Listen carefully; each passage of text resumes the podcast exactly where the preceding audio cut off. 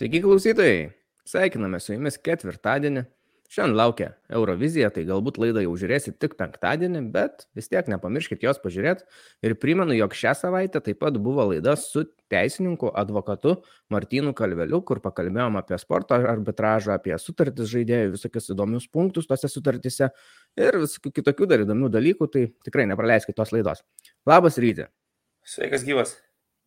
Tai kiek žinau, tu turėjai tokią visai įdomią ir, manau, fainę išvyką, tai gal papasakotum apie ją truputį. Jo, išvyka buvo tikrai labai smagi. Į Angliją keliavom, e, gavom nuo kanalo, vadinkim tai, bilietų į Premier lygos rungtynės, tai apsilankėm Brentfordo, Southamptono rungtynėse, čia netoli Londono. Brentfordas yra toks kaip rajonas ar priemestis, kaip čia pavadinti, ir, ir taip pat į Man City Newcastle po to persikėlėm. Tai padarėm su kolega Židrūnu Grudzinsku tą tokį tikrą anglišką experience, kur ten 12 dienos jau e, eini į pabą, e, apšylį, pasiruoši rungtynėms, e, daug vaikščiom, daug visko stebėjom, nemažai bokalų pakėlėm, daug futbolo, po to, žinai, kitas rungtynės, kur į stadioną neinam į barą jam pastebėti su, su vietiniais. Tai įspūdį man palieka vis dėlto ta tokia kultūra, kur pas vokiečius irgi yra, kad, na, garbingo amžiaus žmonės, vadinkim, tai pensininkai eina į barą, žiūrėti futbolo, pasiemo bokalą ir tikrai tas emocijas savo rodo labai, labai drąsiai ir stadionus tikrai eina daug seniorų. Tai man šitas dalykas labai įspūdį palieka tiek iš anglų, tiek ir vokiečiai irgi turi. Tai, kad e, nesvarbu, jaunas, senas futbolas gyvenimo dalis e, ir, ir, ir tu turi būti su savo klubu visada. Tai uh, Tai va, tikrai gerai praleistas laikas, pirmadienį ramiai grįžom ir, ir vėl prie darbų. O Sičio varžybose turbūt ne pirmą kartą buvai. Ne, ne pirmą kartą. Ne pirmą kartą, bet ir nėra taip, kad ten, kaip sakyt, po dešimt kartų į sezoną nuskrendu. Turi kokį stadioną, kuriame na, labiausiai patiko lankytis kaip žiūrovui? Um, yra dar stadionų, kurių kol kas nepavyko aplankyti ir dar tikrai planuose, bet iš, iš tų, kuriuose buvau, tai mm, pojūčio, vadinkim, ir įspūdžio aspektų tai yra Camp Nou vis dėlto, nes šiaip tai buvo rungtynėse Barsa pasižėtose legendinėse, tai žinai. Čia kur tai, šešis įvarčius sukalė Barsa? Šeši, šeši vienas jo, kur baigėsi, tai lieka neišdildomi įspūdžiai, bet jeigu taip imt atmosferos atžvilgių, tai labai man patiko atmosfera, pavyzdžiui, Vierelėje, Ispanijoje ir vat, labai patiko tam pačiam vat, Brentfordė su Southamptonu, žinai, nuvarai Man City Newcastle. Ten irgi, kaip sakyt, ir išvykos fanai, ir namų fanai pakankamai triukšmingi, bet ten daug žmonių, kurie ateina pažiūrėti kokybės, vadinkim taip, futbolo aukšto lygio, pasigrožėti ten debriunėmis, o ten jau, kur va žaidžia Brentfordas, tai visi ateina parėkti, pastaukti, pasirgti ir, ir pašvesti. Tai ta pati lyga, bet skirtingos atmosferos, vadinkim.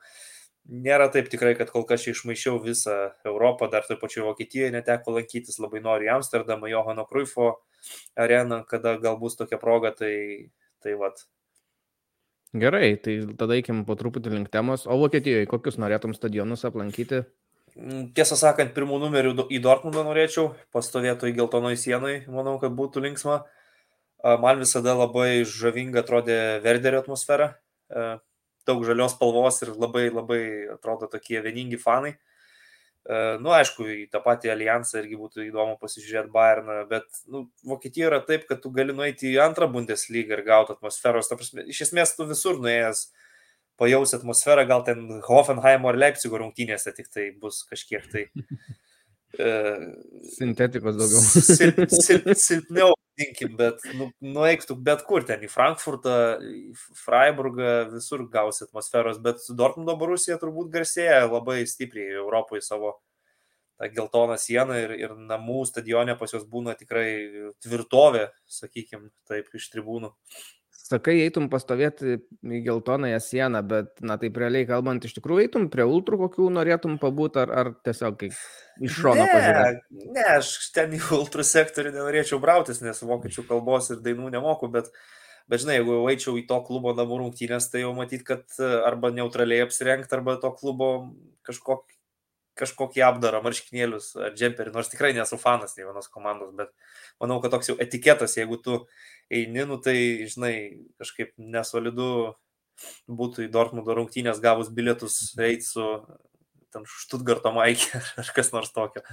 Nu, ir, kažkaip, ir, ir aš, žinai, aš įsilieju į aplinką. Vat, pavyzdžiui, tą patį Brentfordą nuėjau, nu, ta, nesu aš Brentfordo fanas, bet esi su vietiniais ir kai įmušė į vartijų komandą, nu, džiaugiesi. Pritampi prie aplinkos, sakykim taip, prie tos emocijos, kuri vyrauja tribūnai. Dortmundo, Dortmundo varžybos, kokia Bayerno Maikė, gal dar ir netokie draugiški ties ir gali būti. Nors aš, pavyzdžiui, pats Allianz arenai, kai esu buvęs, tai šalia sėdėjo, žmo... buvo varžybos prieš Verderį, berots, mm. o žmogus sėdėjo su Gladbacho striukė, Mm. Ir jisai visą varžybą sirgo už Verderį, ten keikė Bayerną, bet niekas nieko, taip ramiai visiškai buvo. Aišku, ten šiaip... nei ultras, nei ką, tas sektorius paprastas, bet. Nu, per Bundeslygos beje kiekvieną transliaciją labai mėgsta režisieriai pagauti kokį kadrą, kur sėdi bičias su pana ir būna bičias ten su Leverkuseno marškinėliais, o, o mergina su, tarkim, Dortmundo Borusijos ten tarpusavio rungtynėse. Bet čia, aišku, yra tie tokie neutralūs fanai ir nu, vėlgi klubas klubui nelygu ateiti Dortmundo namų rungtynės su šalkės, tarkim, marškinėliais, tai mhm. nu, gali ir prašiau pasibaigti, bet ateik ten su kokio labai neutralaus klubo, ką žinau, Arminija. Nu, abejoju, ir ten labai užkabinėsis prie tavęs kažkas. Jo, sufiurta, tai dar ir paplos per petį užjausdami. nu, va, jo. E, gerai, einam prie kitos temos, tokios irgi žanginės, gal aš kažkaip pagalvojau, paklausiu tavęs, vis tiek labai turi didelę patirtį su sportu ir komentuodamas, ir domėdamasis, ir galbūt esi matęs daug kokių filmų, serialų susijusių su sportu, galbūt konkrečiai ir futbolu, bet nebūtinai, jeigu tikrai geras produktas, tai kažką gal patiko, kas parekomenduotum filmą ar serialą. Oi, labai daug, žinok, man yra patikusių, yra nemažai ir iš, iš dabartinių per pastarosius metus tikrai Netflix'as, Amazon Prime, visi tie prikėpė daug įvairios dokumentikos apie sportą. Iš tokių šviežiau žiūrėtų galėčiau išskirti, va Netflix'e yra ciklas, vadinasi Bad Sport.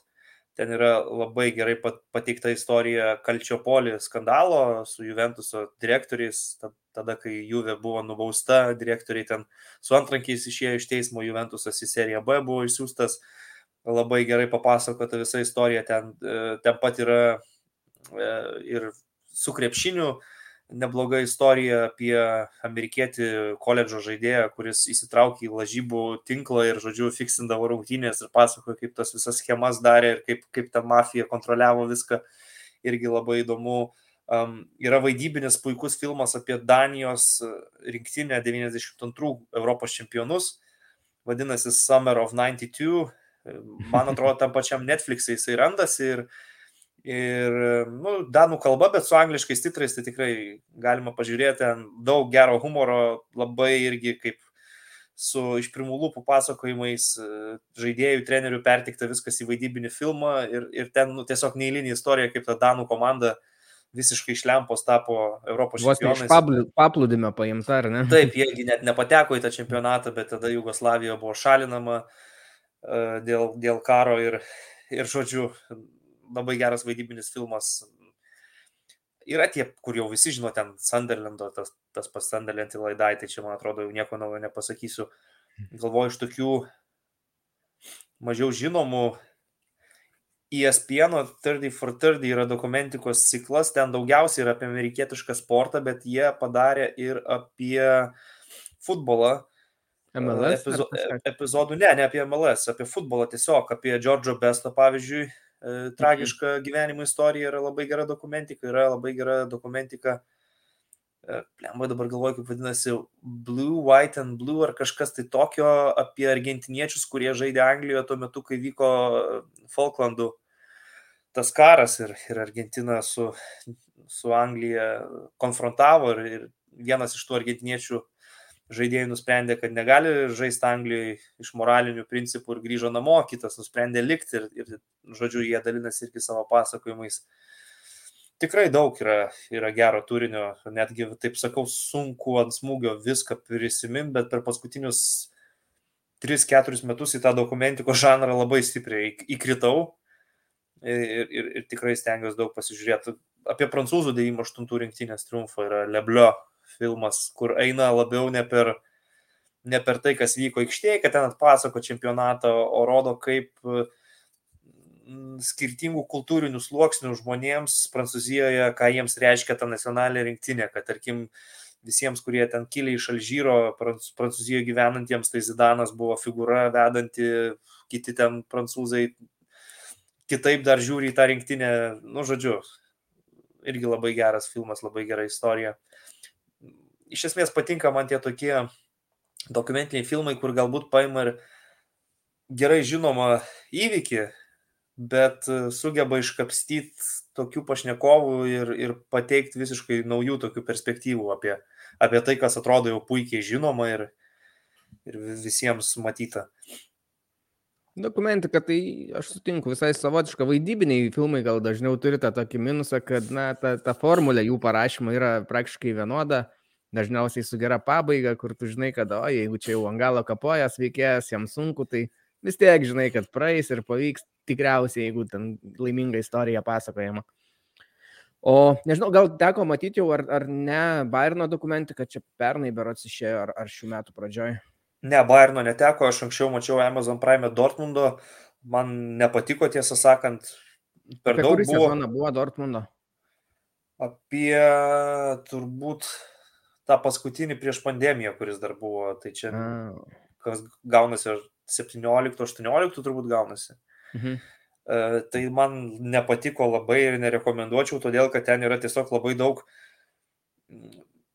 ta prasme, proporcija, kiek yra iš komandos vidaus ir kiek tiesiog žurnalistus vietinius kalbina ir jie pasakoja Dortmundo klubo istoriją, tai į va tą pusę labiau viskas eina, kur tiesiog žurnalistai kalba apie, apie klubą ir, ir, nu, nežinau, tai toks dalykas, kur Wikipedinius faktus kažkas perpasakoja, o iš klubo vidaus ten labai mažai, ten vieną kitą ten dialogą kažkur parodo, jo, dar tada treniravo šitas, kaip, kaip jo pavardė, Favras treniravo dar tas sezonas, buvo jo ten dar pakol kasarą žaidė. Nu tai sužiūrėjau. Bet ne, bet... ne paskutinis jo te buvo turbūt sezonas pirmas gal. Prieš paskutinis. Favro prieš paskutinis. Tai šitą sužiūrėjau visą, bet įspūdžio nepaliko, Bayerno kol kas, kol kas nemačiau. Šiaip man Mes... City buvo geras, nuo jų ir prasidėjo gal ta All or Nothing serija, mhm. Amazono jie pamatė, kad labai gerą sėkmę čia gali turėti, tai paskui ten ir Tottenhamą darė, ir, ir pas vokiečius ėjo su kamerom. Tai man City tas buvo geras apie čempionišką sezoną. Jo, apie City gerus girdėjau atsiliepimus. Aš Juventusą dar žiau, bet Juventusą tai man nepatiko labai toks atpasakojimas tiesiog, kas čia kaip. Jo, aš žinai, va, priminėjai, priminėjai, yra žiauriai geras filmas, jo nebeliko Netflix'e, tai manau, jeigu kažkas susidomės, tai reikėtų jau ieškoti kitais kanalais. Boka 3D, atrodo, vadinasi, ar tiesiog Boka apie Boka Juniors klubą, pasakoja jų ten toks beveik šimtametis fanas, metraštininkas, kuris ten užsikrovęs yra visą savo būtą sąsiuviniais, susirašydavo ten kiekvienų Boka Juniors rungtynių rezultatą, kas įmušė įvarčius ten nuo 50 kažkėlintų metų ir, ir jisai, jisai keliauja per tą visą istoriją kartu su filmo kuriejais ir ten aišku ir žaidėjai, ir treneriai yra įtraukti į patį filmą ir blemba, ten labai parodo tą tokį skirtumą, kaip žiūri vat, Pietų Amerikos žmonės futbolą ir, ir savo klubą palaiko ir kaip mes Europoje tą suprantam. Tai vis dėlto yra pakankamai ryškus tokie kultūriniai skirtumai. Yra Maradona Meksikoje ten tas dalykas, amžinatelis Diego, bet ten man labiau buvo sunku žiūrėti į tai, kaip ten tokia parodija vos nedaro iš, iš, iš legendos, kuri jau nuo akivaizdžiai yra kaip sakyti, su sveikata pašlyjusią. Tai, nu, bet tikrai daug, aš čia net visko nespėjau išvardinti. Labai daug ir tikrai yra vertų dėmesio. Sakyčiau, sakyčiau labai rekomenduoju pažiūrėti tuos vat, bad sport. Ir ne tik vat, futbolo, bet apie krepšinį tą istoriją paliko man didelį įspūdį. Šiaip, okay. jeigu, jeigu mes čia, žinai, nueiname į kitus sportus, tai iš ESPN 30 for 30 visos krepšinio istorijos realiai yra super aukšto lygio ir ir įdomios. Podcastas, aišku, apie futbolą, bet gal kažkam bus ir aktualu, nes ten nebūtinai, kad apie tai, kas vyko aikštėje ir, ir su kamoliu, bet yra labai daug įdomių tiesiog e, išgyvenimų ir asmeninių istorijų sportininkų. Nu, jeigu jau taip ne apie futbolą, tai man labai patiko, bet aš pats asmeniškai savo Facebook'e esu daug kartų rašęs apie Last Chance U. Tai čia yra irgi Netflix'e apie amerikietišką futbolą ir ten visiškai neprofesionalai, jie tokia tarpinė stotelė, kur dar net ne universitetas, bet tokia, e, pamiršau aš tą mokyklos lygmenį, bet, sakykime, nu, vos ne kaip kokia profesinė, sakykime, mūsų atitikmenio, jeigu būtų, bet, na, tai nėra tikslu.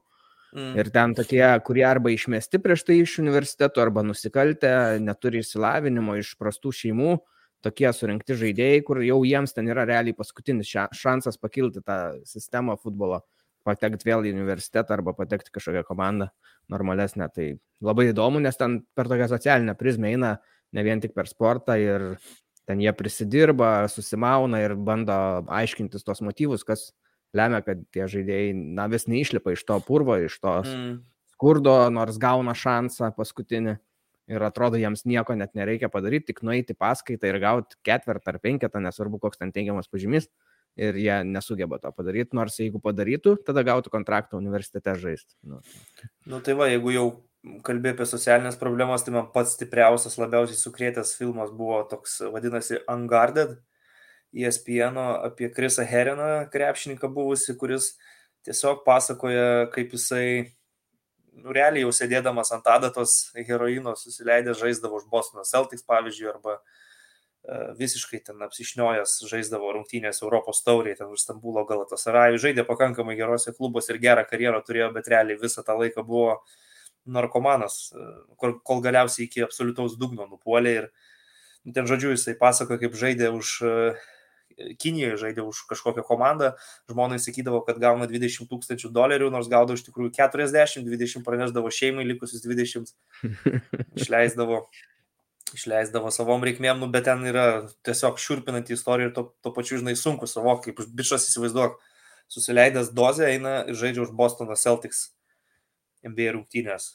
Ir sužaidžia, nu, tipo normaliai. Kelinti čia maždaug metais.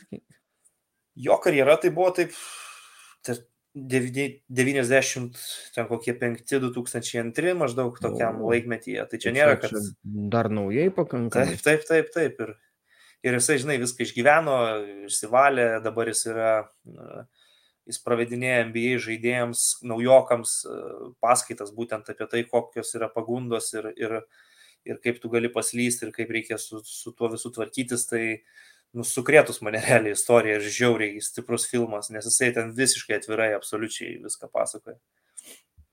Na tai džiugu, kad bent sėkmingai baigęs. Mes su Justu kažkada per podcastą čia irgi svarstėm, kad Dortmundas gal praleido šansą padaryti apie save tą sezoną, kai dar paskutinis su Sančio čia buvo, nes mhm. turėjo tada visus tos savo gerus žaidėjus vienoje vietoje ir Hollandas Sančio. Taurė laimėjo. Nu, tai išlydėjo, išlydėjo Piščiaką. Nu, Taip, su Terzičiu, viską ten. Tai visai jie padarė, padarė apie tą sezoną, kur ten prasileidinėdavo cirkinius įvarčius ir biurkis vartas sustovėjo ten prokliną ir tą biurkį kalbino tenai ir jisai sako, nu aš nesuprantu, kaip mes čia tiek tų įvarčių praleidžiam, kur čia problema ir tada apie tą sezoną pagalvoji, tai iš tų įvarčių ten kokie nu, 20 procentų taip pat biurki ten kamulio nesugaudavo rieškutėm. nu, žodžiu. O Bayerno seriale tai visai įdomiai buvo man e, apie tos senesnius laikus sužinoti. Julius, kai ten žaidė ir kai tik baigė jaunas karjerą ir į vadovybę ten perėjo, tai ten gerų irgi kadrų, koks jis ten buvo žvaigždė, tai super, ten su tokiais kailiniais, sakiniais nuo saulės iš lėktuvo išlipa Ulis ten į Ameriką važu, važiuoja, pasisem patirties, kaip klubą reikia komerciškai pagerinti. Nu, tas, arba buvo palyginimas jo kažkam interviu, kad sako, na, kai aš atėjau į Bairną dirbti, tai sako, ten ofisas buvo medinė trobelė, tai aš galvoju, kad čia yra vaizdus palyginimas, bet pasirodo iš tikrųjų buvo medinė trobelė, tiesiog ten 70 kažkelintais persirengimo kambarį, ten sakė, irgi e, e, tu rengęs žaidėjai, ten kas eina visi žiūrovai kokią pro langą, pro kur vos nemato tave, kaip tu ten rengęs. Nu, toks geras, geras. Ir kaip pakėlė po to, aišku, viską papasakoja truputį. Būtent nuo tas pakilimas prasideda ten. Gerai, tai gal užteks, manau, čia labai daug rekomendacijų klausytojai galėjo išgirsti. Aš irgi nors žiūriu daug filmų ir serialų, bet iš tavęs čia išgirdau ne vieną įdomų pavadinimą, ne vieną įdomią istoriją, kurią pažiūrėsiu. Galim pereiti turbūt prie naujienų. Šiandien tokia ilgesnė įžanga buvo, nes tu buvai Anglijoje, aš pats irgi uh, buvau išvykęs į palangą, auksinio proto, ten gyvų žaidimų finalas vyko, tai kaip sekėsi? E, taip, per vidurį daugmaž, sakykime, vidutiniškai. Nu, bet mūsų reitingas buvo vidutinis, tai mes ir likom taip maždaug per vidurį.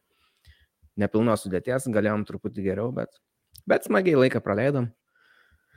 E, tai mažiau varžybų mačiau, tai apie varžybas mažiau šiandien ir kalbėsim. Dabar pradėsim nuo naujienų, tada eisim prie Europos lygos, žinom jau koks bus finalas. Tada praėjęs Bundeslygos turas ir kas laukia jau paskutiniam Bundeslygos turė.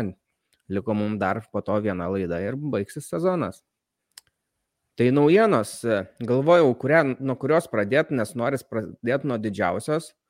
Tai rinkausi, aišku, tarp Adėjemi ir Holando bet aš galvoju, kad didesnė yra Adėjemi, nes jisai, na, lyg ir buvo kalbama, kad turbūt įvyks, bet Holandas buvo daugiau šansų, kad įvyks ir labiau tikėtina, kad išeis.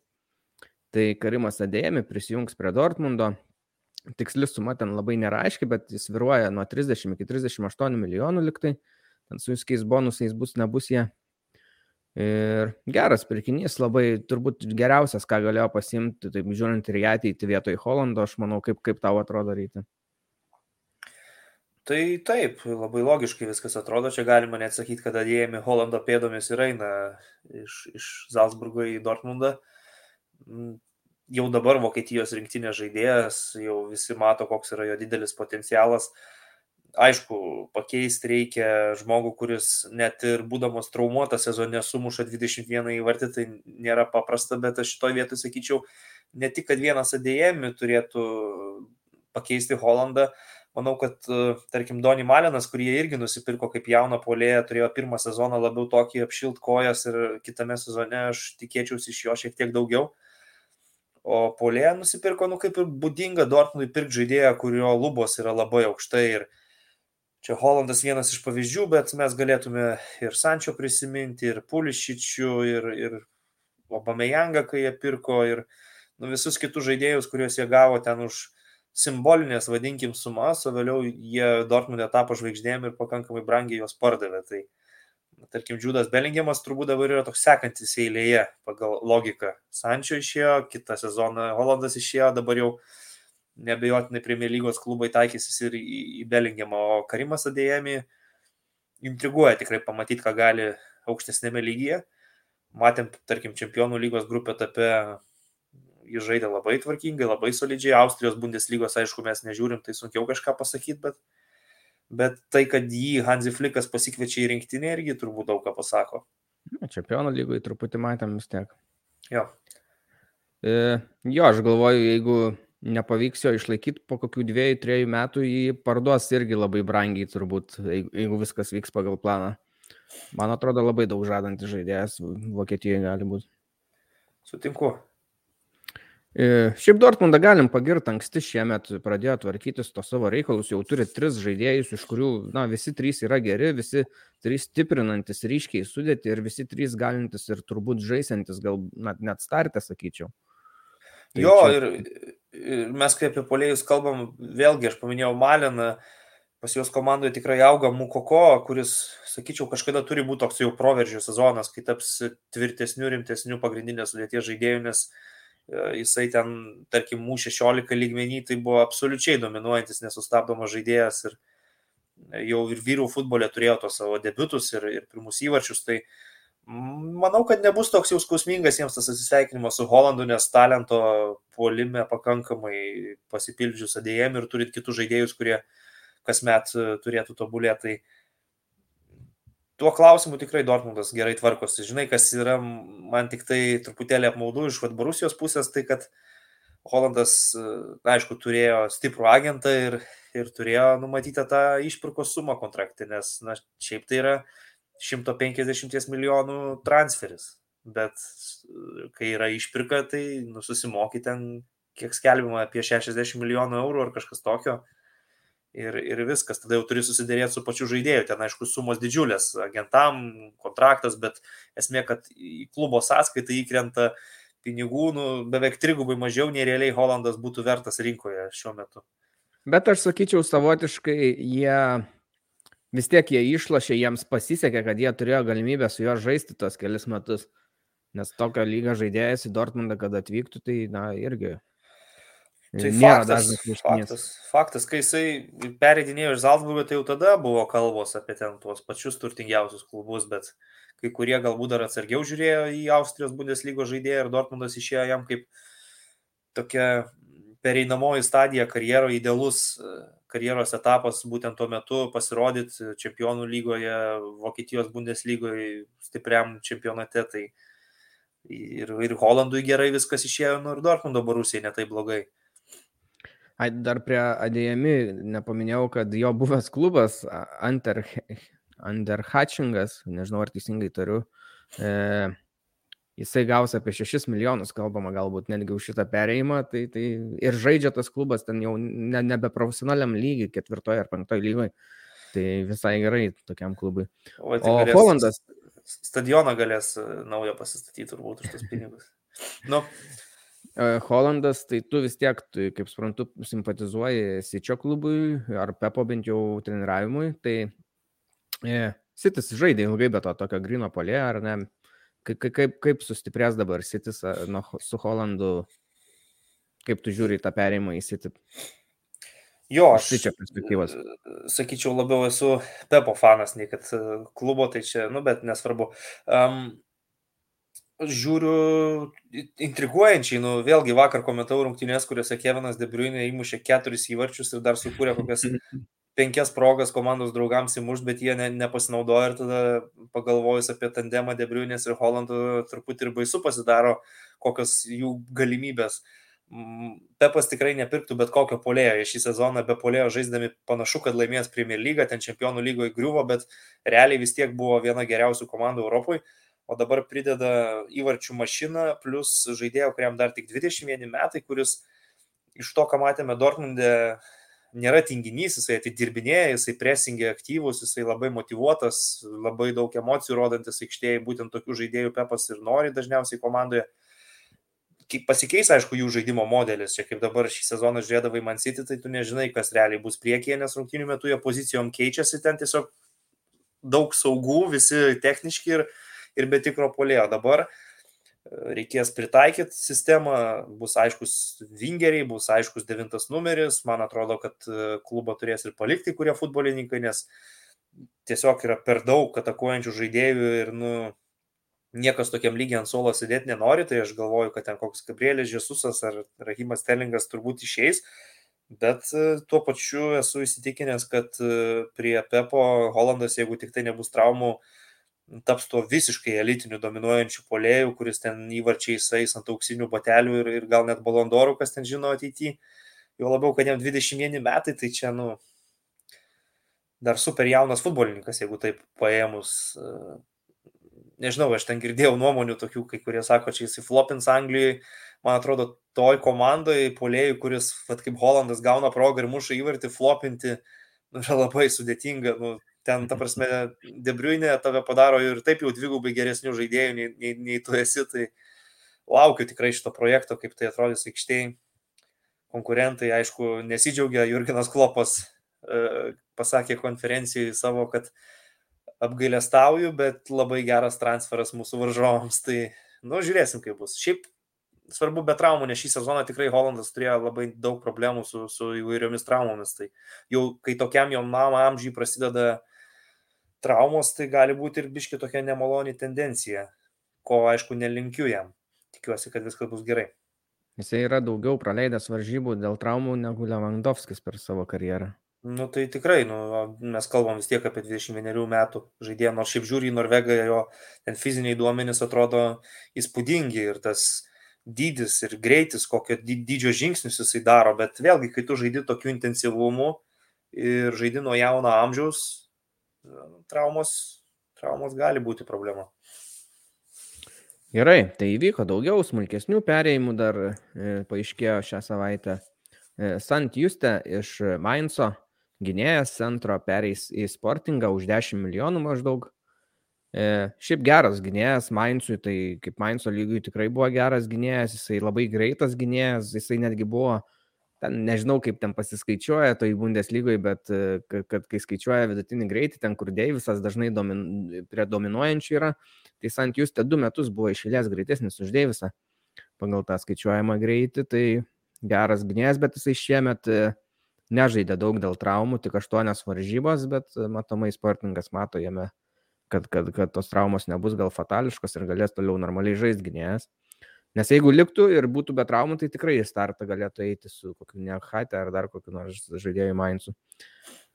E, Florianas Griličas iš Hoffenheimo irgi paskelbta, kad paliks jau e, klubą, neaišku dar kur išvyks, jisai išvyks kaip laisvasis agentas. Ir kalbama šiaip, kad greičiausiai gali būti koks Italijos klubas, bet, bet pamatysim dar, kaip bus iš tiesų. Sakyčiau, prigesęs, prigesęs žaidėjas, kuris kai Nagelsmanas dar Hoffenheimą treniravo, tai buvo laikomas tokiu dideliu talentu, kuris gali vos neįlytinius klubus eiti kaip vidurio saugas, ten kontroliuojantis labai gerai tempą, ilgus perdavimus gerai atlieka, bet per pastrosius du metus visiškai tapo tokiu pamirštų žaidėjų, bet jau man asmeniškai.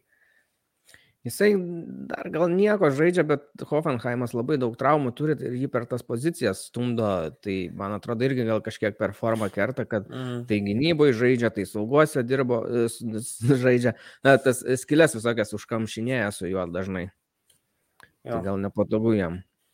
E, su Ginteriu pasirodė interviu, tai čia tokia įdomesnė dalis. E, iš jo kalbos galim sakyti netgi savotiškai paaiškėjo, sakyčiau, galbūt net priežastis, kai kurios, dėl ko tas Gladbachas toks sugriuvęs ir kas čia lemia, tai, tai interviu Ginteris sakė, kad jam buvo e, vasarį, praeitą, ne šį 2001 metų, 2021 metų, pažadėta, kad jisai bus komandos lyderis ir kad jisai bus kapitonas. Ir Ginteris apsidžiaugė, laukė to, bet dabar vasarą prieš sezoną jisai sužinojo, kad klubas bando jį parduoti, nebenori, nori jo atsisakyti, tai tada žaidėjai sakė, buvo šokas, sako, aš supratau, kad, na, dabar tai čia kažkokia nesąmonė, nu, sako, kad įvyko toks breakas, kažkoks lūžis, žodžiu, mano santykiuose su, klubas, su klubu. Na tai kai vienas iš tokių žaidėjų, pagrindinių centro gynėjų, tai taip turi, neaišku, galbūt yra panašių situacijų ir su kitais žaidėjais. Žinom, kad ir Zakarija buvo vidury sezono parduotas, buvo kalbų ir apie kitus žaidėjus, kuriems irgi artėja tie kontraktai prie pabaigos. Ir sakė, kad jam liktai siūlė kažkokį kontraktą, bet tokį labiau, kad tik prasitęst kažkiek to, to laiko su juo ir galėtų kažkokią didesnę sumą iš kitų klubų išreikalauti tiesiog. Tai sako, aš kai visą tai sužinojau, aš tiesiog pasakiau agentui, kad nesvarbu, kokios sumos algos bus siūlomos, man tiesiog čia istorija mano yra baigta. Na tai jeigu žaidėjas visą sezoną žaidžia jau taip nusiteikęs, tai natūralu, kad tie rezultatai turbūt nėra labai geri. Nu, bet daug pasako turbūt apie klubo vadovų darbą, kai vis tiek tu paleidi vieną geresnių Vokietijos gynėjų taip lengva ranka ir primelavęs, jeigu iš tikrųjų jam tokių visokių dalykų uh, apie kapitono raištį ir, ir taip toliau, man sunkiai suprantama, kaip ten vyksta dialogas tarp vadovų ir žaidėjų. Ir Gladbachas atrodo turėjo gerą, simpatišką komandą, kurią tik išlaikyk, kažkoks testinumas ir gali pastoviai žaisti europiniuose turnyruose, ten ir čempionų lygoje žaidė, tai ir taip pat viskas išleidžiama vien dėl kažkokių tai blogų vadybinių sprendimų, pažadų, nu, keista man. Sunku pasakyti, kas ten yra. Aišku, sporto ja. direktorius išėjo vidury sezono, bet gal ir finansinė padėtis ten yra bloga, nu, sunku pasakyti, bet mhm. nekaip skamba. Ir dar po to pridėjo ginteris, kad e, dar supyko ir dėl to, kad klubas čia paskelbė, berots pats Gladbachas išviešino, nepasibaigus sezonui, kad jisai išeina į tą Freiburgą. Sako, aš nenorėjau, kad dar čia paskelbtų, arba bent jau, kad man duotų tada iškart pasisakyti kartu. Nu, žodžiu, jisai nebuvo už tai, kad būtų dar paskelbta. Mhm. Tai va, e, antra Bundesliga, ten įvyko truputį irgi veiksmo. O klausyk, tai... atsiprašau, o, o apie Nusairą Mazraui dar nekalbam, dar reikia palaukti. Oficialumo sakai. Galim. Nu, aš kažkaip neužsirašiau, nes galvojau tikrai nepamiršiu, žinai. Mhm. ten tas oficialumas, ten tas parašų nėra, bet man atrodo viskas kitkas, kaip suprantu, yra sutarta, nes jis pats jau žaidėjas sakė, kad jo taip, taip, taip. Jie vakar tapo čempionais, tai jisai Ir jau pasakė, kad atsisveikina su komanda. Tai nu, akivaizdu, kad į dešinį kraštą pirkinys mes anksčiau esame jau kalbėję, kad į šitą poziciją tikrai reikėtų pastiprinimo. Šiaip įdomu tai, kad Ajaxas iš pradžių jį kaip vidurio saugą auginosi ir vėliau, kai patiems prispyrė reikalas dešiniam krašte užpildyti poziciją, jį iš vidurio saugo iš esmės perkvalifikavo į dešinio krašto gynėją. Ir ten jis atsiskleidė dar geriau, pasimatė tikrai, kad jis puikiai žaidžia ir palei šoninę liniją ir jeigu labiau reikia, kad jis taip iš krašto į vidurį žaistų su kamoliu, puikiai perdavimus atliekantis žaidėjas, gerą tolimą smūgį turi, nepasakyčiau, kad ten išskirtinis sprinteris, nu ne Alfonso Deivisas, bet geras jo yra tikrai žaidimo IQ, man atrodo, kad Bayernui pakankamai geras pirkinys, bet aš jį labiau įsivaizduoju tikrai keturių gynėjų e, schemui. Nes kai kalbama vis tiek apie tos tris vidurio gynėjus, tai reikia vingbeko, kuris visą kraštą dengia ir nežinau, ar Mazraui tam yra tinkamiausias e, kandidatas, bet aišku, mes girdim iš Bayerno visokių signalų, Salihamidžičius ten pavarą pertreniruoti planuoja pats Nagelsmanas vidurio gynėjo, prašo, toks įspūdis, kad tegul jau tada, jeigu taip projektuoja, tai tegul pats Alichamičius gal ir treniruoja komandą, jeigu iš jau žaidėjom pozicijas renka. Bet pavaras jisai nori žaisti antro gynėjo pozicijoje pats. Jo, bet tai čia... jisai realiai tinka tik tai, jeigu trim žaidė iš tikrųjų. Nu, Štutgar, Štutgartė tai, jisai galvoju, žaisdavo. Kad Nagelsmanas būtent vis tiek taip ir bandys žaisti ir tada tas wingbackas bus naujasis žaidėjas, o Nežinau, ga, aš manau, kad e, su tokio įimu realiai Bayernas yra susiformavęs jau savo gynėjų liniją. Jeigu Bavaras siunčiamas į centro gynėjus labiau, aišku, iš bėdos gal ir žais kartais ir, ir dešiniam tam krašte, bet e, reikia atsiminti, ar grįž Richardsas iš Hoffenheimo, neaišku, ar jį gal irgi parduos, ar išnuomos dar vėl kur nors, bet, bet iš esmės turbūt yra sformuota gynėjų linija, viskas, mes ten nieko nebesulauksim, aš manau. Nu jo, jeigu, jeigu sakykime, Niuazy planuoja didesnį pasitikėjimą, tai taip, Kita vertus, išeina Ziulė, kaip ir norėtųsi dar vieno vidurio gynėjo. E, tarsi ir Bairnas šliuotą norėjo, bet nu, pavarą. Aš, aš, aš kiek žinau Bairno tas e, tendencijas, kaip jie žiūri, tai va, išėjo Ziulė į vietą pavaras bus. Nu jo, pertreniruos. Nu, ta prasme, ne tai, kad visiškai pertreniruos, jis gali žaisti, aišku, toj pozicijai. Tai bus įdomu pažiūrėti, jeigu Mazrauai žais pilnai tuo tokiu wingbackų, e, kiek jam tiks, nes Ajaxas nežaisdavo niekada trimis vidurio gynėjais, jisai vis tiek buvo Buvo toks Žiūrėk, gerai, dešinys. Tu vis tiek geriau nusimanai apie tos taktinius dalykus. Man įdomu, tas, e, sakykime, žais trim centro gynėjais Bayronas. Mhm. E, ne, nebus tokia nesąmonė, kad, okei, okay, Deivisas tada galbūt žais kairėje ar ne? Arba Komanas gal kartais, bet, sakykime, gal dažniau netgi Deivisas, tada jeigu dešiniai e, iš, iš, iš, iš, iš Ajaxo atvykęs žaidėjas, tai e, ar belieka vietos ten Komonui, Zane, Gnabri, kaip jie susistatys tada. Tai tada gal ir logiškai atrodo, kad gal net nepratęstų Gnabri kontrakto, nes nu, nėra kur stalpinti jų visų tada.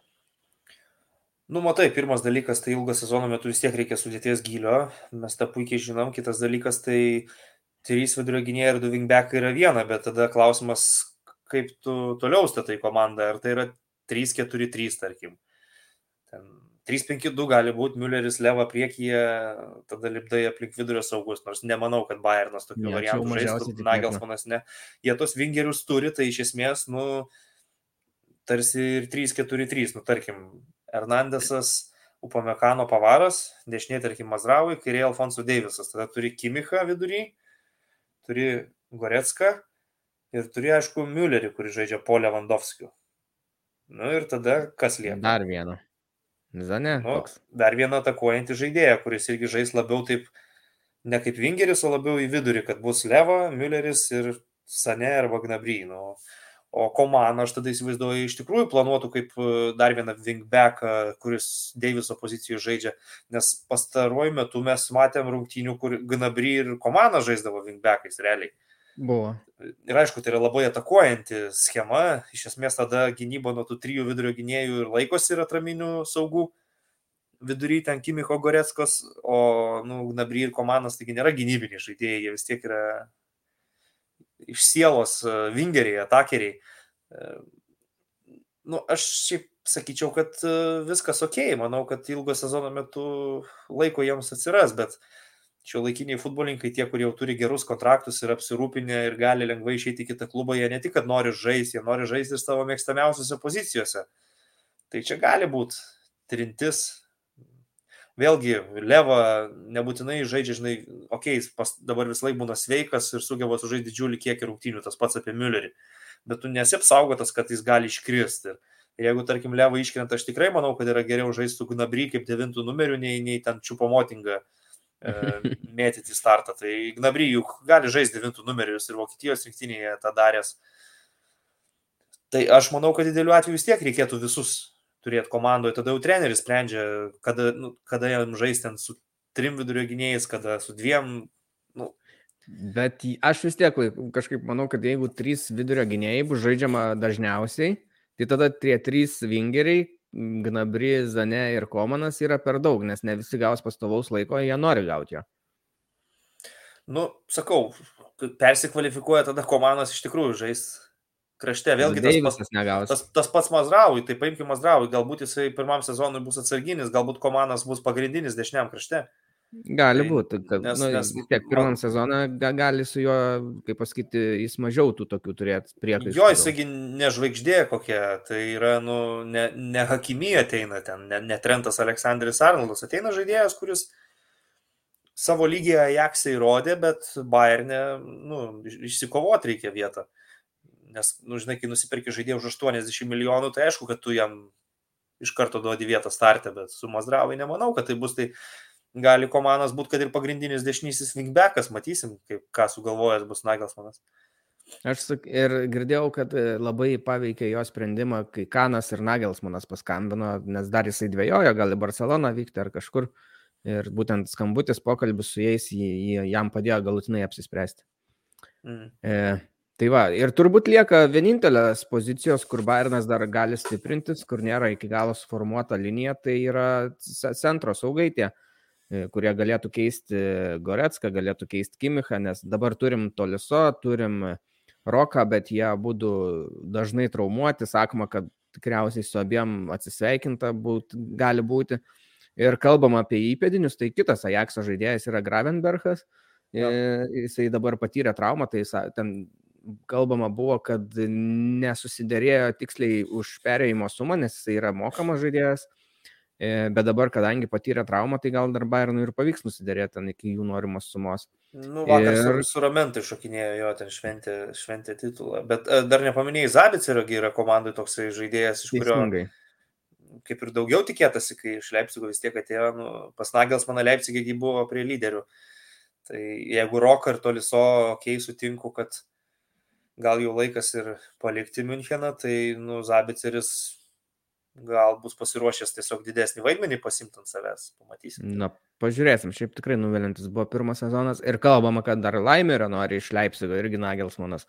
Tai man šiek tiek juokingai ir keistai atrodo, kai Nagelsmanas ateidamas iš Leipzigo sakė, klausė, ar čia gal pasimsit su savim dar kokių žaidėjų, ką sako, ne, tikrai aš čia nežadu su savim susipakuoti žaidėjų visų į autobusą ir išsivežti, tikrai ne. Dabar žiūrim, kad jis ir to prašo, ir to prašo iš Leipzigo, nu tai Jo, trūksta dar, kad Angelinio paimtų Orbaną. Olmo, Ankunkų norėčiau dar. Klostermaną gal dar. Jo, jo. Ne, nu, jeigu jau reiktų, tai ok, Ankunkų aš dar, kaip sakant, labai aukšto lygio žaidėjas, tai ok, bet, bet geriausia, kad jis liktų Leipzigė. E, tai va, tai ką aš norėjau pasakyti, kaip tu žiūrėtum ir Laimerio perėjimą, pavyzdžiui. Ar jis tiktų Bayernui, toks labai dabar paklausus pasidarė, antrą pusę sezono gerai žaidžia. Jo, jis beje irgi yra tam pačiam dešiniam krašte pažaidęs iš bėdos, kai reikėjo pasistumti. Aišku, jis yra vidurio saugas, tai geriausia jam pozicija. Nežinau, šiaip, nu, Laimeris su Kimichu, tarkim, aikštės vidury galėtų tvarkytis, kodėl ne. Vis tiek aš manau, kad Goretska turi būti e, pagrindo žaidėjas, jis jau įrodęs.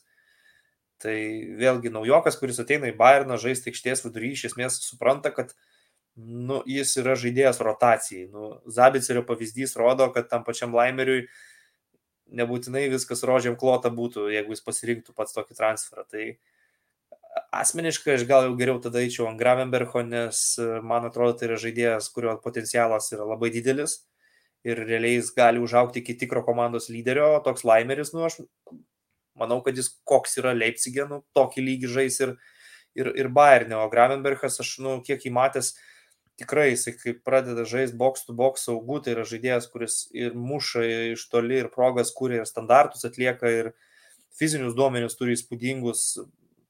man atrodo, kad tai yra būsimas ir Niderlandų rinktinės lyderis, tai jeigu iš šitų dviejų žaidėjų rinktis, nebijotinai imčiau, imčiau Ajaxo talentą. Laimeris toks kovinis irgi šuo, sakyčiau, gerai lipa ant kamulio, atkovoja, atkovoja iš priešų, gerai daro spaudimą, bet Gravenbergo tas potencialas turbūt aukščiau kažkur. Ir gerai, kadangi mes dabar tiek daug kalbam apie Bayerną, tai užduosiu klausimą, tokį ilgą, daug čia klausimų vienoje vietoje, Tomas Pamparam klausė e, apie Bayern dominavimą bundėjai. Tai daug kas kartoja, kad lyga neįdomi, dominuoja Bayernas, bet ar čia Bayerno problema? Čia pirma dalis. Tada ar kitų klubų, kurie nesistiprino, neišlaiko žaidėjų, galim prie to pačio čia. Ar lygos problema, kad neturi tokia, tokių sutarčių kaip Premier lyga, na ir neturės turbūt niekada.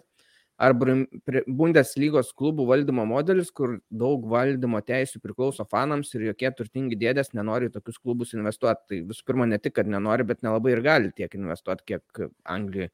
Gerai, atsakykime šitą dalį, po to aš toliau skaitysiu, kad nepamirštume. Kieno okay. čia klaida? Klaida, kaltė.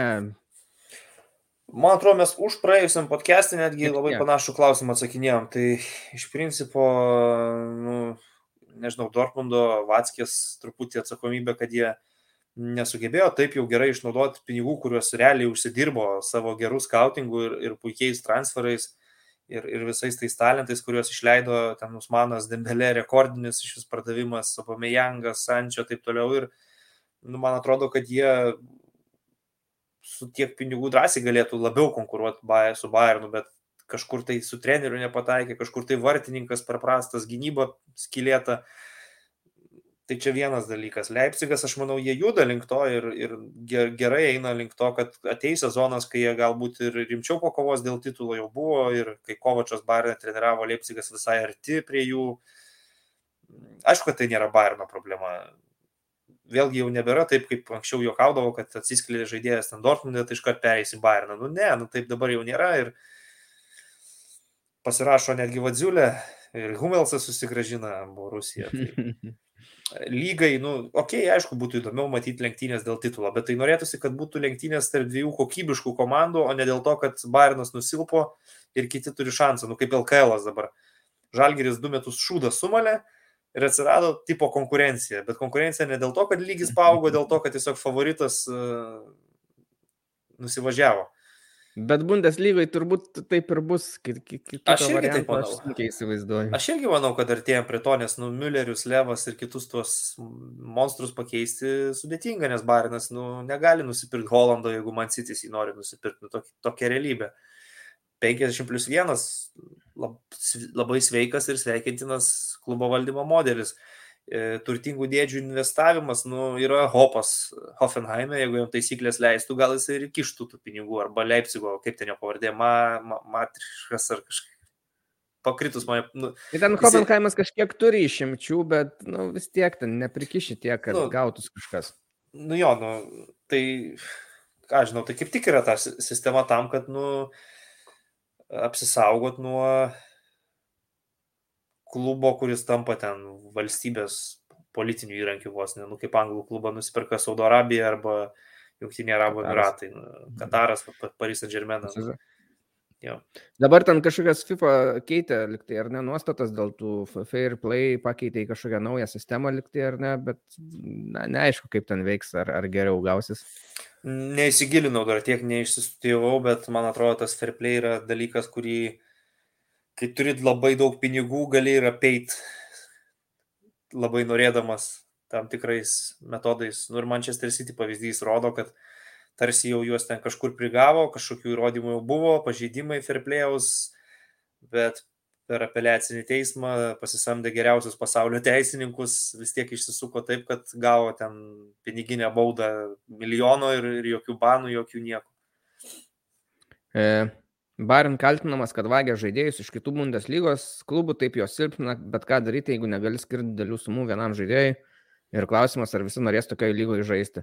Tai aš tada gal trumpai atsakysiu, jeigu turėsi ką pridurti, tai lygoje yra tikrai norinčių žaisti, nes e, ypač jauni žaidėjai nori, nes ten gali atsiskleisti talentingi kaip Hollandas, Sanšo, Bellinghamas, e, tų žaidėjų tikrai netrūksta, kur galbūt nėra dar top, top žvaigždės, kai kurie buvo, bet e, kurie taps turbūt ateityje. Dar tokių žaidėjų tikrai yra Bundeslygoje, ne vien tik Bayerne.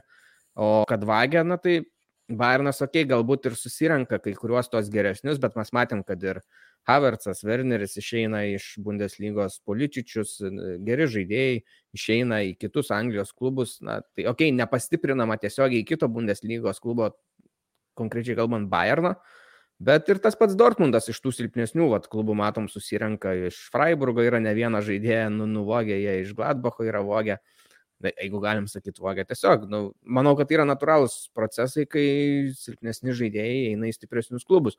Tik tai ta, vienintelė bėda, kad Bayernas yra tas pats stipriausias, o Anglijoje vyksta tas, tas pats, tik tai, kad Anglijoje yra daugiau, tie keturi, šeši stipresniai klubai ir jie tarp jų pasiskirsto tie žaidėjai, kurie ateina iš žemesnių klubų. Matai, Anglijoje esminis skirtumas, kad labai retai būna free transferas. Ta prasme, nu, taip beveik nebūna, vis tiek su išpirkomis vyksta perėjimai. Vokietijoje dažniau pasitaiko free transferų. Ten Levo į Bayerną, Ziulė iš Bayerno į Dortmundą, Ginteris tas pats. Kažkaip daugiau yra situacijų, kai žaidėjas atbūna, atžaidžia, atidirba savo kontraktą ir išeina kaip, kaip, kaip laisvas agentas. O šiaip tai aš sutinku, nu, pažiūrėk į Leipzigą, tarkim klubas turi vienoj komandoj Nkunku, Soboslajų, Olmo, Forsbergą, net praktiškai net netelpa jie visi, žinai, startinę sudėtį, o tai yra žaidėjai, kurie, manau, ne vieną komandą sustiprintų. Čia jau Nkunku tapo visišką žvaigždę dabar, bet tarkim, Olmo, Soboslajus, Dani Olmo yra Barcelonos akademijos auklėtinis, jis turi tą homegrown statusą Barcelonoje ir aš tikrai uh, prognozuoju, kad kažkurio karjeros etapu jisai eis į Barsą ir gali ten tapti svarbių žaidėjų. Tai talento yra pakankamai. E, ne tik e, Bayernė. Ar būtų geriau, jei, tarkim, Pamekano būtų nupirkęs Šelsi ar kažkas kitas? Na, geriau būtų nebent tik tuo atveju, jeigu būtų gavę didesnę sumą už jį, aš sakyčiau. Nes kaip jis žaidžia kol kas Bayernė, tai gal dar kitom komandom ir naudos yra Bundeslygoje. Nu, ne, neįspūdingas tas jo pirmas sezonas, tikrai, tikrai sutinku. E, tokie žaidėjai kaip Alaba, Zulė išeina už dyką, Tiago už nebrangiai, kiti nenori sudaryti ar pratesti sutarčių, nori išeiti konkurencingesnės komandas, lygas. Būtų įdomios išvalgos šiais klausimais. E, nu, aš galiu tiek pasakyti, kad uh, vokiečių klubas, va, kad ir Müncheno Bairnas niekada nežiūri į savo žaidėją kaip į prekę. Čia yra skirtumas, tarkim, va, Anglijos Premier lygos klubo, kurį valdo amerikiečiai. Amerikiečiai yra verslininkai, jie žiūri per verslo prizmę ir jie mm, nu, niekada neleis, kad jų kažkoks svarbus žaidėjas išeitų for free arba už simbolinę sumą, jeigu jie matys, kad reikia parduoti, jie pardavinės tuo metu, kol dar yra kaina. E, nes nu, jiems svarbu skaičiuoti pelną savo finansinėse eilutėse ir pelną, nuostolius ir taip toliau. O pas Bayerną yra labai aišku, nu, jeigu jie gali tą žaidėją dar vienus metus turėti ir su juo laimėti titulus, tai jie geriau jį dar turės ir po to atsisveikins, nei parduos vien tam, kad gautų kažkokią sumą į, į banko sąskaitą. Tiesiog skirtingas požiūris į, į žaidėją. Jo, ir yra buvę su Benatija, man rodos, jisai buvo atvykęs iš Romos, po to į Ventusą perėjo tai labai teigiamai atsiliepė apie klubo vadovus, ten kai jis pasakė, kad ten ar nori išvykti, ar, ar kaž, kažko jam labai reikėjo, tai ten vadovybė jam viską padarė, kad jis galėtų daryti tai, ką nori daryti. Ir sakė, džiaugiausi, kad jokių kliūčių nieko nesudaro, kaip na, kartais kiti klubai būna, palaiko žaidėją per prievartą kažkiek. Tai va, turbūt tiek atsakėme tos klausimus, galim prie antros lygos, tai Europos čempionatas 2024 e, metais vyks, tai Finalas vyks Berlyne, o atidarimo varžybos bus Münchene. Ir tada einam prie antros lygos, aš jungsiu tai, kas yra dabar lenteliai. Tai e, iš, paaiškėjo, kad Šalkė jau 100 procentų patenka tiesiogiai į, į, į, į pirmą lygą. Buvo geras video, kaip iš e, Rūbinės švenčia šalkės ir treneris, tai treneris tiesiog ant tokio gan aukšto stalo, taip atsistojęs, senyvas, jau truputį vis tiek forma nebegera, jau šoko tiesiog, kur atrodo ir pasportavusiam žmogui būtų reikalų. Tai šalkiai pavyko tą padaryti po to, kai 3-2 įveikė St. Paulį. Tai, tai tiesioginius praktiškai irgi konkurentus, na, ne dėl pirmos vietos, bet kurie dar kovoja dėl to patekimo. Uh, Verderis šiaip įtemptose varžybose, net, ten taip netikėtai gavos, bet buvo įtemptos varžybos. 3-0 nors ir laimėjo, bet Angalo sumušė tos savo įvarčius grinai. Įveikė, įveikė Egzenbergą. Ir, ir turi tikrai gerus šansus dabar paskutinėse varžybose Verderis žais prieš Regensburgo ekipą ir jeigu laimės bent tašką, jeigu sužais bent lygiom, tai irgi tiesiogiai pateks iš karto. Ir tada dėl tos trečios vietos, galim sakyti, paskutinės, Hamburgas su Darmštadu kovoja ir Hamburgas prieš Hansą žais, tai jiems toks truputį silpnesnis varžovas, o Darmštadas žais su Paderbornu, tai gali būti truputį sunkiau. Sakyčiau, Hamburgo šansai turbūt geresni truputį. Tai geresni ženkliai dar dėl to, kad jų įvarčių skirtumas žymiai geresnis ir jeigu abi, tarkim, laiminu, tai Darmštatas neprimuš ten 15 įvarčių. Tai iš esmės Hamburgui tik pergalės reikia ir jie, jie treti, bet nu, tada perėmė. Jie gali antri likti, jeigu Verderis susimautų. Jo, jeigu Verderis, taip, jeigu Verderis pralaimės, tada jie ir juos gali aplenkti ant įvarčių skirtumo, bet aš sakyčiau, Verderis, kai taško pakanka, nu kažkaip tai prieš Regensburgą, kuris iš esmės dėl nieko žais, nes jie lieka antroji Bundeslygoje, pakilti irgi kažkur nelabai gali, tai, tai turėtų, manau, kad pasimtai. Aš, aš manau, kad čia tiesiog dėl trečios vietos yra visa intriga. Gerai, paliekam antrą lygą. E, Kaiserslautern ten dar keitė trenerius, likus vienam turui pakeitė trenerį, tai bus vaizdų turbūt kaip su Verderiu pernai. E, šaliuojam gal jau į Europos lygą, jau nebedaug laiko turim, šiandien abu turim planų dar vakare, tai e, Europos lygos varžybas galbūt stebėjai, kurias nors ar Leipzigo su Rangeriais.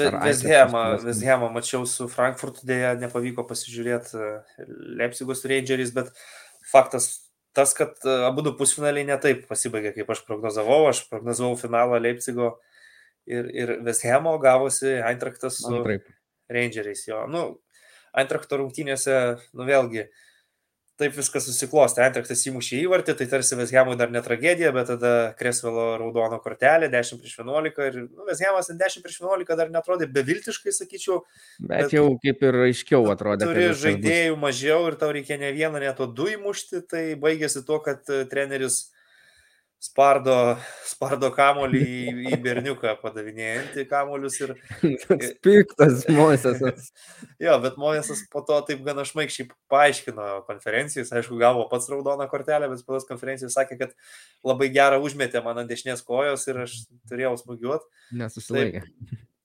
Iš dviejų rungtynių paėmus, tai, nu, aišku, Eintrachtas buvo geresnė komanda, geriau išnaudojo savo šansus, raudono kortelė antrose rungtynėse daug ką keitė, bet vėlgi pirmos rungtynės Londone irgi buvo laimėtos, tai nu, Frankfurto klubas pelnytai prasiskynė kelią į finalą ir ten neįsivaizduoju, kaip, koks konkursas yra dėl bilietų finale palaikyti Eintrachtą, nes ten turbūt į vieną bilietą pretenduoja kokį 50 žmonių.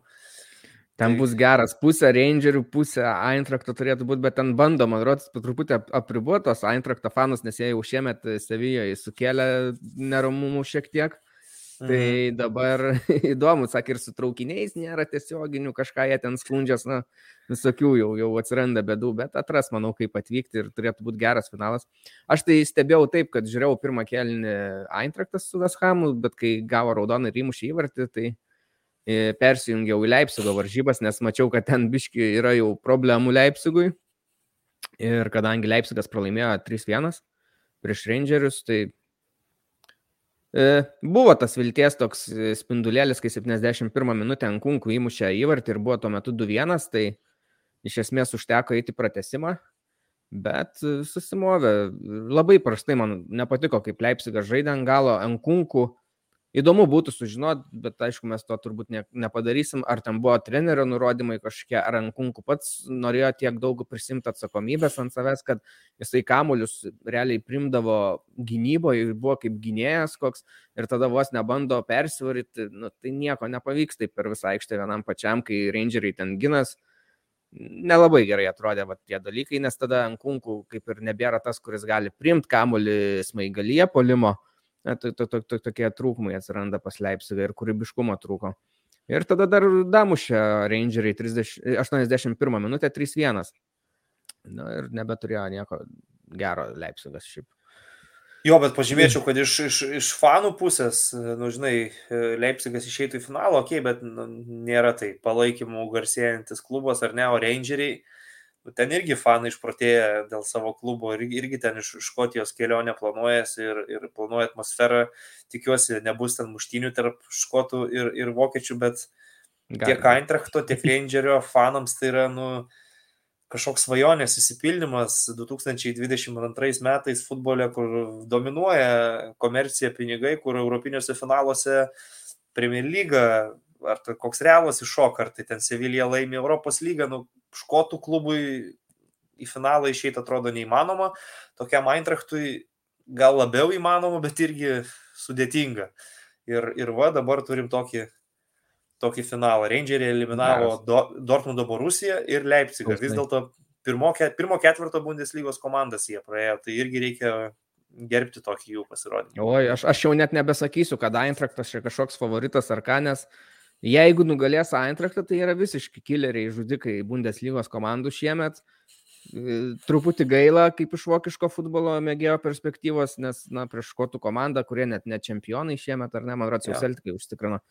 Tai, jo, Celtic jau tapo. Tai, tai taip kažkaip gaila atrodo, liūdna, tikrai vokiečių lyga turėtų būti stipresnė už škotų, bet nu, yra kaip yra su Rangeriais. Ir dar, e, kalbant apie Eintrakto varžybas, ten Eintrakte vyko, tai ten fanai, kiek buvo visko prisiruošę, visi baltai apsirengę, nors Veskama žaidė labiau tokiam į baltą spalvą prangom, bet nesmė ir tų faierių, tų uždegę, ten prisidarė tų plakatų, žiauriai įspūdingai atrodė ir išbėgimas po švilpuko buvo irgi galingas, toks dar galingesnis negu per Olimpijakos Monako krepšinio mačą. Irgi penktas varžybas buvo, bet ten, tai kai visas stadionas sugužėjo, tai iš vis. Tai va, labai fainiai. Labai laukiu finalo, tiesą sakant, nes jau truputėlį atsibodo Europos lygoje, ten išeina Manchester United į finalą, žaidė ten Chelsea prieš Arsenalą, jau kažkiek tas, ei, tie patys, tie patys klubai, kurie ir taip turtingi, ir taip e, titulus laimintis, dabar va toks net, net, netradicinis finalas, vadinkime, ir galų gale nugalėjęs klubas ne tik, ten taurę kelią, jie patenka į čempionų lygą iš karto kitam sezonui, tai Frankfurto Eintrachtų iš viso tai ir būtų ypatinga akimirka, nes jie Bundeslygoje net, net į konferencijų lygą nesikvalifikuoja. Nu, Rangeriai antri irgi Škotijos premjeršipė, tai abejotina, ar, ar grupio etape čempionų lygoje jiems šviečiasi žaisti. Tai dvigubos vertės finalas, sakykime taip. Taip, na gerai, einam trumpai tada į Bundeslygą, abu du mažai matėm tų varžybų, tai penktadienį Bochumas su Arminija žaidė. Arminijos šansus palaidojo išlikti lygoje, nes jie dabar atsilieka trim, yra 17 vietoje ir atsilieka trim taškais nuo Štutgarto, bet įvarčių santykis yra ganėtinai blogesnis, tai jau jiems nebėra jokių šansų. Ir sakyčiau, Bochumas šiemet yra pernykštė tokia Arminija, kur vidury lentelės pakankamai užtikrintai lieka lygoje. Jo, tikrai labai solidus jiems sezonas. E, ir, ir jeigu jau taip lyginam su pernykštė Arminija, tai jeigu pas Arminiją e, praėjusią sezoną herojus buvo vartininkas Ortega, tai Bochumo vartininkas Rymanas irgi, kiek mačiau, rungtynių įspūdį paliko didelį. Nekartą gelbėjo komandą, dažnai traukė e, smūgius tokius ir mirtinus, tai irgi su vartininku Bochumas stiprus, vadinkim taip. Tik tai tiek gal, jeigu lyginant su pernai Arminija, Bochumas šiemet, aš skaičiau, šiek tiek yra kūrybingesni. Aš žiūrėjau šitas varžybas, jos vyko dar penktadienį, tai nu, vis tiek ten yra Polteris, toks visai neblogas žaidėjas, Asano pakuria e, per kraštą gynybos Saresas su Gambao, visai neblogai juda. Ir, o apie pačias varžybas kalbam, tai Arminijos vartininkas Ortega, tai ir šituose varžybose labai neblogai traukė, ten rezultatas būtų buvęs daug liūdnesnis Arminijai, ar šiaip ėjo viskas ant lygiųjų, vienas vienas būtų gal ir logiška buvę, bet šiaip koks blogas buvo Arminijos gynėjas Ramošas, aš man sunku apsakyti žodžiai, žinok. Jisai, jisai nedalyvavo ties paskutiniu įvarčiu įmušant, ta prasme, nebuvo kaltas dėl jo, bet kiekvieną ataką, kai priešininkų polėjas gauna kamuolį prieš jį, iš karto matos plika akim, kad jis bijo, nesusigaudo, kur turi atsistoti, nespėja išbėgti, nespėja užsim pozicijos. Tragedija buvo, negalėjau kaip erzinaus, kad jie taip žaidžia. Bet, bet, bet tą lemiamą klaidą padarė kitas gynėjas, na tai bent tiek jam ant sąžinės gal. E, kitos varžybos, tai gal Bairno dar truputį paimkim, nes irgi buvo svarbios Stuttgartas 2-2 išplėšė tą vieną tašką, kuris jiems yra dar svarbus, nes dabar jie yra 16, žais pereinamasias varžybas, jeigu ir liks tenai, tai jie trim taškais būtent atsilieka nuo Hertos. ir įvarčių skirtumas yra tik 3. Ai, atsiprašau, čia ne, ne, ne, ne, ne į tą skaičių pažiūrėjau, įvarčių skirtumas, toj pasakysiu koks. E, jų yra geresnis negu Hertos.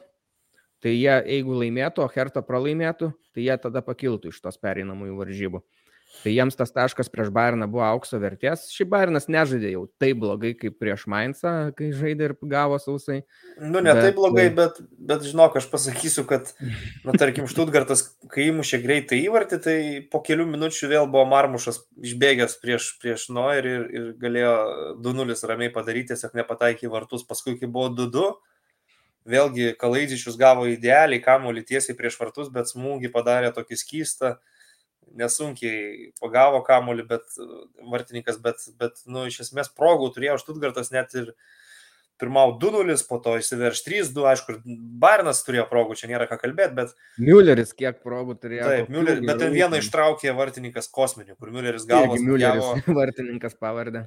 Jo, Florianas Mülleris, bet, bet ištraukė iš tikrųjų kosmosą jisai ten, nes ten šimtaprocentinis įvartis, kokie refleksai ten kairė ranka tą kamuolį taip išmušti, čia jau ant Tomo Müllerio negali pykti. Jisai gerą smūgį padarė, bet vartininkas sužaidė įspūdingai tiesiog. Jo, tai Barnas gynybai nežaidė gerai, bet vat polimetų progų tikrai turėjo geresnių, jo. gerų galėjo. Ir šiaip Nionzu darė klaidelę. Aš džiaugiuosi, kai jisai gauna pažaisti, nes jam reikia žaisti gautos praktikos, kad jis galėtų būti geresnis žaidėjas. Bet klydo jis ten klaidžioje pastoviai, kur nors nubėgęs į kraštą, neužsiemęs irgi pozicijos. O aš klausyk, kai, kai e, Gnabry dabar dar labiau yra pasilginę savo plaukus, tai man kartais vis atrodo, kad Dantė grįžo į Bayerną žaisti. tai čia negeras, nu, kai pažiūrėsi, jeigu paskutinį sezoną prisiminsi, tai negeras ženklas, bet jeigu dar prieš tai vieną ar du, tai visai gerai. Nu, Dantė labiausiai asocijuojasi šiaip su Brazilija, Vokietija rungtynėmis. tai, tai jo. Ten iš vokiškos pusės žiūrint viskas gerai buvo su Dantė. Ne, sutinku, sutinku. Tai va, e, ir davė po to jau ant galo pasilakstyti visiems paskutiems žaidėjams, kur mažiau žaidė, kur galbūt ir išvyks, ir e, Zulė išvyks, tai tikrai e, buvo ir prie fanų nubėgęs pasidžiaugti, atsisveikinti. Ir, ir klubo padėka buvo jam ten. Taip. Nes... Roka buvo įleistas Toliso, buvo įleistas Čiopų Motingas, buvo įleistas Zabiceris, buvo įleistas, na, visi tokie outsideriai, nu, tik Ziulė gal, sakykime, ne outsideris. Uh, Mülleris irgi su mikrofonu ten buvo įsipiešęs į minę pašūkaut pas, pašvesti titulą, nes buvo namuose, kadangi varžybos, tai buvo įteiktas tas jau Bundeslygos titulas. Nagelsmanas mm. skundės, kad sako, nesitikėjau, kad toks sunkus, sako, iškėliau, sako, kitą dieną krūtinės raumenis truputį su sopa. E, Komanas 96 minutę nusprendė raudoną pasimti, kad galėtų į, nežinau, atostogų į Bizą ar kur kitur jau skristi. Nereiktų dar tų vienų bereikšmių varžybų atžaisti ir jisai šiaip gavo baną triem varžybom, tai reiškia, kad ir kito sezono pirmas dvi praleis, bet dar gali apeliuoti, kad truputį sumažintų. Bet jeigu sumažins, tai aš manau, ten kokios dvi varžybos bus. Ir gali ir palikti šiaip. Tiek, apie kitas varžybas tai aš jau nekalbėsiu, nes aš jų nemačiau, nežinau, tu matei, nematai. Aš galiu žodį tarti apie rungtynės, kurios man įdomiausias vis dėlto buvo, tai Freiburgas su Unionu ir labai tikėjausi, kad Freiburgas gins savo ketvirtą vietą ir žiauriai nustebau, kad komanda, kuri visą sezoną yra tokia solidi ir garsėjanti disciplina gynyboje, antiek sugriuvo va, to, tokio svarbumo rungtynėse, galbūt jos paveikė tą įtampą, kad dabar jau jie pirmauja ir gali į čempionų lygą patekti, bet nu, tikrai nemačiau, kad Freiburgas šį sezoną būtų toks keuras, 0-3 po pirmo kelnių ir ten žiaurinės klaidos. Prie antro įvarčio kairio krašto iš vis niekas nedengė, gynėjai išsibarstė, pozicijas pametė, kažkur ten bando nuošalę daryti, du pakyla, vienas užsilieka, pamesti kamuoliai irgi, nu, visiškai Freiburgui nebūdingos klaidos truputį nepasisekė ten Hölleriui, sakykime, prie 0-1 jis rezultatą lygino, pasidžiaugė, atšventė įvartį, pasižiūrėjo teisėjas, kad ranka buvo įvartį, nubraukė, paskui tas pats Hioleris įmušė jau 0-3 pralaimint, ten emocijas dar rodė tribūnas, bandė užves, bet vėlgi galima pasižiūrėti paskutinį Uniono įvartį, kur Berots Priomelis įmušė, dabar jau neatsimenu. Puikiausiai, bet dabar nežinau, ar paskutinį. Jisai pirmą įmušė, bet vat, paskutinį gal Ai, ir neįmušė. Du mušė gal tai va, nu nesvarbu, bet esmė ta, kad ten situacija, kamuolys krašte, Freiburgo gynėjai atrodo jį gali perimti, vienas kitam du pasimaišo, visiškai atsijungia nuo gynybos, įsileidžia Uniono žaidėjai baudos aikštelė, jisai ten dviem pauzėm pasitaiso kamuolį taip, kaip nori ir, ir įdena į artimą vartų kampą. Nežinau, kas, kas atsitiko Freiburgo vyrukam, bet jie gynyboje sužaidė kaip nu, relegation iškritimo zonos komanda, o žaidė rungtynės realiai dėl ketvirtos vietos, tai Leipzigas, aišku, tuo pasinaudojo, Augsburgą apsilošė ir, ir sugrįžo į ketvirtą, o Berlyno Unionui, aišku, labai svarbus taškai, jie, jie dabar šešti ir, taikosi į Europos, jo, į Europos lygą turi gerą šansą patekti. Aš ištraukas žiau, jau santrauką tapo varžybų, tai jo gynyba atrodė gan prasta. Ir dabar Freiburgas tai žais prieš Bayerį, man rodos, tai jiems mm. irgi bus žiauriai sunku. Šiaip Bayeris už... Bayerių nieko nebelėmė, jie, jie trečią vietą jau... užtikrinė jau ramus. Taip.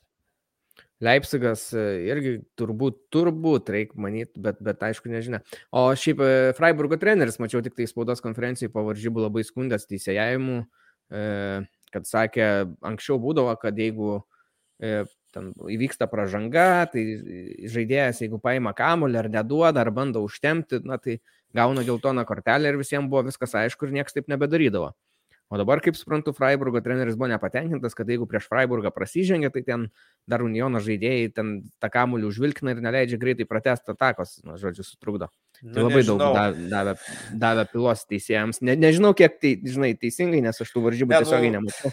Tų epizodų gal ir buvo, kaip ir nu, daugelį rungtynių būna, kažkur gal ir neparodyta kortelė, bet man atrodo, po to, tokio pasirodymo reikėtų kalbėti apie savo klaidas, o ne teisėjo, nes nu, su tokia gynyba tikrai ten neteisėjimas yra priežastis, kodėl pralaimėjai vienas keturi namie tokio svarbumo rungtynėse. Tai va, gerai, kiti rezultatai, tai kas Leipzigas 4-0 įveikė Augsburgą, e, Eintraktas 1-1 su Gladbachu, Hertha pralaimėjo 1-2 Mainzui, Kielnas pralaimėjo 0-1 Wolfsburgui, bet Kielnas, nepaisant to, vis tiek jau tikrai žais Europoje kitą sezoną. Taip, dar pažiūrėsim, kaip, ar konferencijų lygoje, nežinau, ar, jau. ar Europos, kaip ten gaunas jiems. E, e, Fjurto Grautker 1-3 pralaimėjo Dortmundui ir Hoffenheimas 2-4 pralaimėjo Bayeriui. Tai va tokie rezultatai. Ir kitą savaitę, kas yra svarbu, tai minėtas Freiburgas prieš Bayerį. Freiburgas bandys lipti dar ant tos čempionų lygos vietos, nors bus labai sunku, nors Leipzigas žais prieš Arminiją.